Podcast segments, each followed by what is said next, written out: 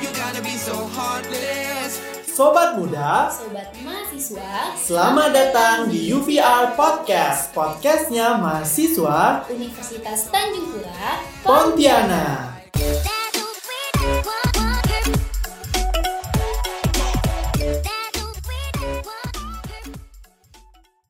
Halo Sobat Muda, Sobat Mahasiswa, selamat datang di UVR Podcast, podcast mahasiswa Universitas Tanjung Pura Pontianak. Apa kabar nih Sobat Muda? Yoga harap Sobat Muda dalam keadaan sehat.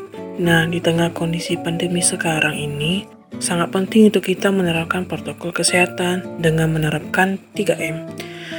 Mencuci tangan, menjaga jarak, dan memakai masker. Nah, Sobat Muda, Sobat Mahasiswa, Hari ini kita bakal membahas mengenai pentingnya memiliki kesadaran diri. Oke, langsung kita bahas aja ya. Memahami diri sendiri terkadang menjadi hal yang terasa menyulitkan bagi kita. Hingga terdapat waktu di mana kita merasa bingung dengan keinginan diri sendiri. Tak hanya itu, kita pun juga mungkin pernah mengalami saat ketika kita tidak dapat menyadari perasaan yang dimiliki. Bisa jadi loh hal-hal tersebut terjadi karena kurangnya kemampuan kita terkait self-awareness atau kesadaran diri.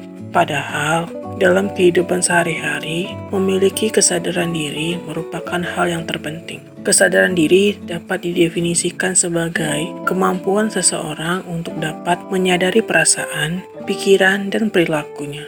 Disebutkan dalam Yulia Sari 2020, kesadaran diri memiliki tiga aspek, yaitu kesadaran diri emosional yang mencerminkan pentingnya mengenali perasaan sendiri, lalu penilaian diri, dan kepercayaan diri. Berdasarkan pengertian dari self-awareness tersebut, kita dapat mengerti bahwa kesadaran diri akan memberikan berbagai dampak pada diri kita. Nah, memiliki kesadaran diri juga baik karena dikaitkan dengan kondisi psikologis yang lebih baik pula.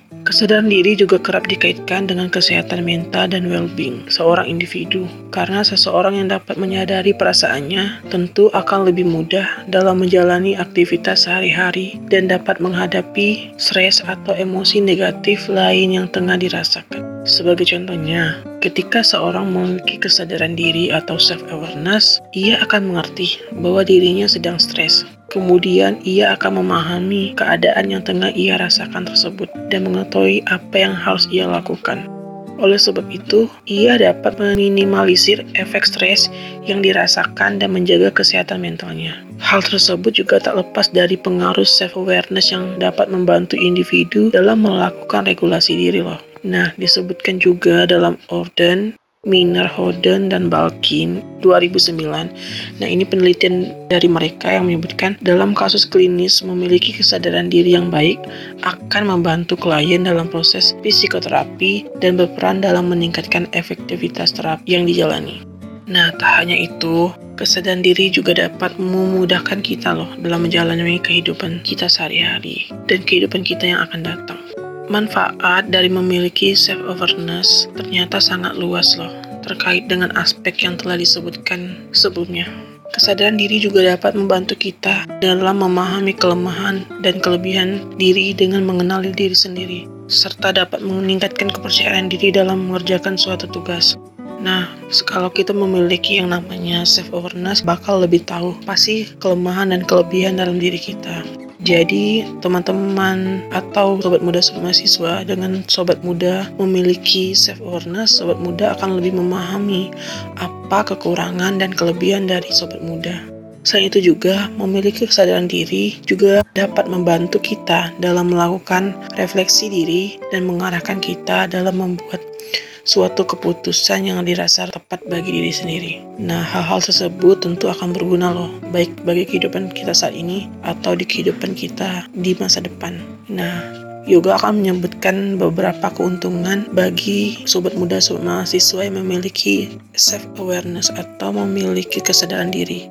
Nah, yang yoga rangkum dari sumber-sumber terpercaya bahwa untuk membangun self awareness yaitu kita harus menyadari bahwa pentingnya memiliki kesadaran dalam memahami sifat, perilaku, dan perasaan diri sendiri terlebih dahulu. Hal ini dapat membantu perubahannya secara positif dan membuat kita lebih percaya diri, kreatif, dan dapat berkomunikasi secara efektif. Dan orang yang memiliki kesadaran diri juga cenderung mengetahui kekuatan dan kelemahannya, serta dapat melihat suatu peluang dengan baik sehingga kesempatan untuk sukses menjadi lebih besar.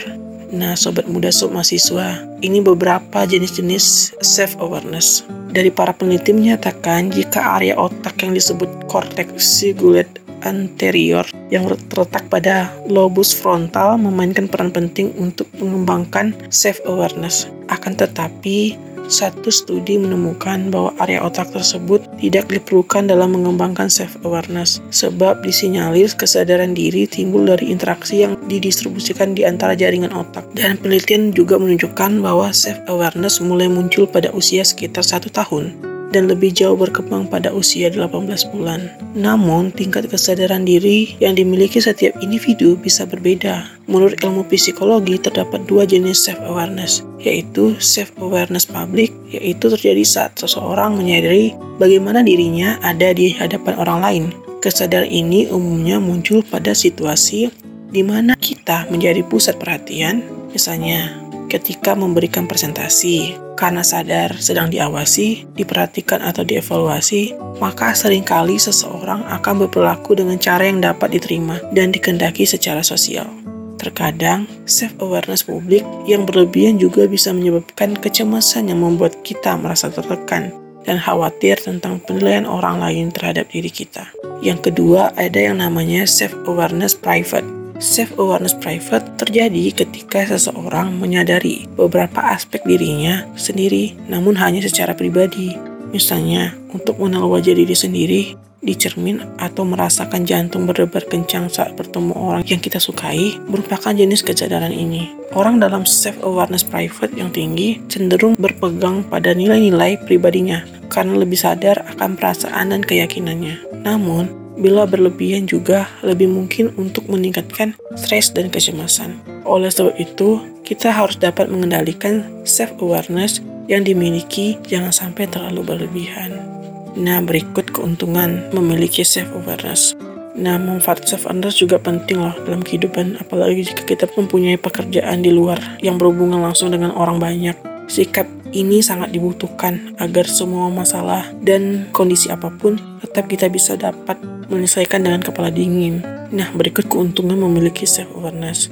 Pertama yaitu pasti lebih percaya diri dan jarang minder. Yang kedua mampu berkomunikasi dengan efektif. Yang ketiga kita tidak mudah sakit hati. Yang selanjutnya itu lebih kreatif. Jadi dengan memiliki self-awareness kita akan menjadi pribadi yang lebih kreatif. Lalu terbuka dengan skala perbedaan. Jadi dengan memiliki self-awareness kita lebih berpikiran terbuka terhadap sudut pandang sudut pandang yang berbeda dengan diri kita lalu juga bakal membuka karir kita lebih luas lagi. Jadi, sobat muda, sobat mahasiswa, pentingnya memiliki kesadaran diri yang tinggi karena dengan memiliki kesadaran diri tersebut, sobat muda akan lebih mudah dalam menghadapi apa pun dan juga hal tersebut juga sangat baik untuk kesehatan mental kita. Nah, cukup sekian pembahasan kita hari ini. Tetap dengarkan terus UVR Podcast dan jangan lupa untuk mengikuti Instagram kita di @untanvoiceradio.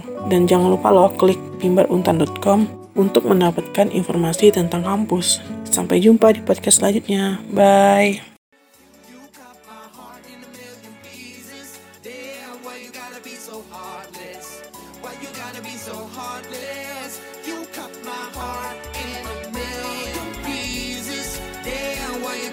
so heartless? Why you gotta be so heartless? You got me like.